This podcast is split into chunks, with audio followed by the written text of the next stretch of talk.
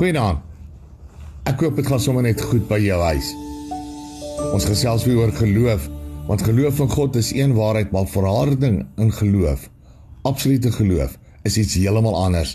Dink maar aan jou eie lewe, hoe jou geloof getoets, beproef, gelouter en selfs uitgedaag word elke dag.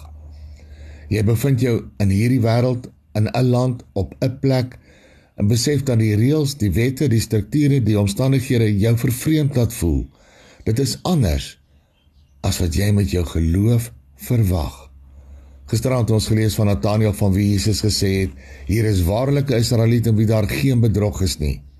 Nou ook Nathanael het die verlosser verwag wat hulle kon bevry van die Romeinse oorheersing, maar nie iemand uit Nasaret nie. En Jesus het ook aan hom gesê dat hy nog groter dinge sal sien.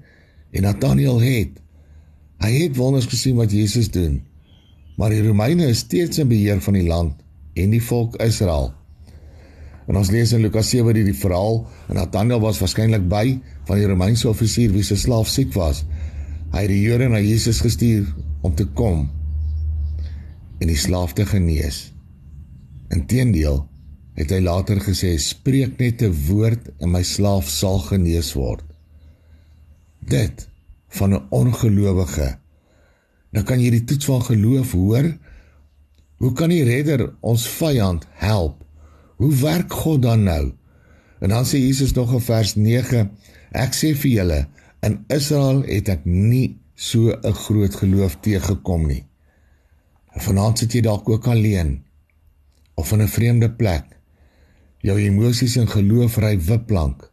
Jy het nie antwoorde nie en wonder hoekom laat God sekere dinge toe. En mag jy vanaand volharding en geloof ervaar. Want Jesus is as redder gestuur om 'n koninkryk van God binne in jou te vestig waar hy kan heers. Jou geloofsdaad sal dan wees. Spreek Heer.